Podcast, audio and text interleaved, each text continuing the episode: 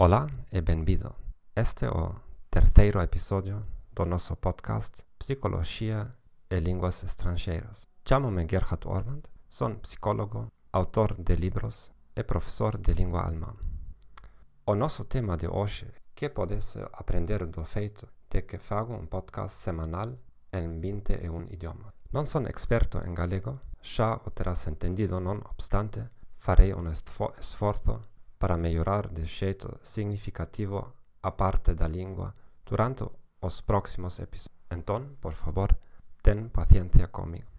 Que podes aprender do feito de que faço um podcast semanal em 21 idiomas? Há duas semanas lancei o meu mais novo podcast. Neste momento, faço um podcast semanal em 21 idiomas. Quizás eu seja, seja o único que faz isso. É relevante isto para o Guinness Book of World Records? Po provavelmente não.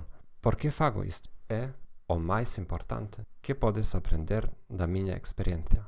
Quais são as minhas razões para fazer isso? Primeiro, quero fazer algo útil com esses idiomas. Segundo, quero sentir a maior pressão possível, pelo que devo melhorar. Terceiro, quero ser transparente no que respeita aos meus pontos fortes e débiles nessas línguas. Que lições podes aprender da minha experiência?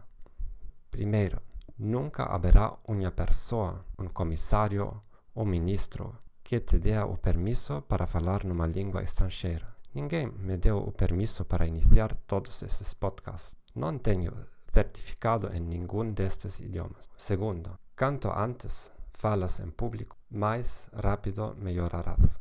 Se esperará até que me sentisse preparado, só teria apraçado a minha melhora. Terceira, quedarás imune contra as críticas. Quarta, perderás o medo a equivocar-te quando, quando cometes muitos erros ao princípio. Quinta, aprende mais se sente, aprendes mais se sentes que estás produzindo algo útil para outras pessoas.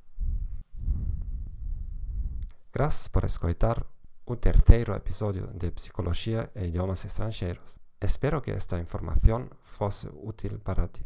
Recomenda-nos aos teus amigos e companheiros. Como já prometi antes, as língua, a parte linguística melhorará muito durante as próximas, semanas. Todo o melhor e adeus.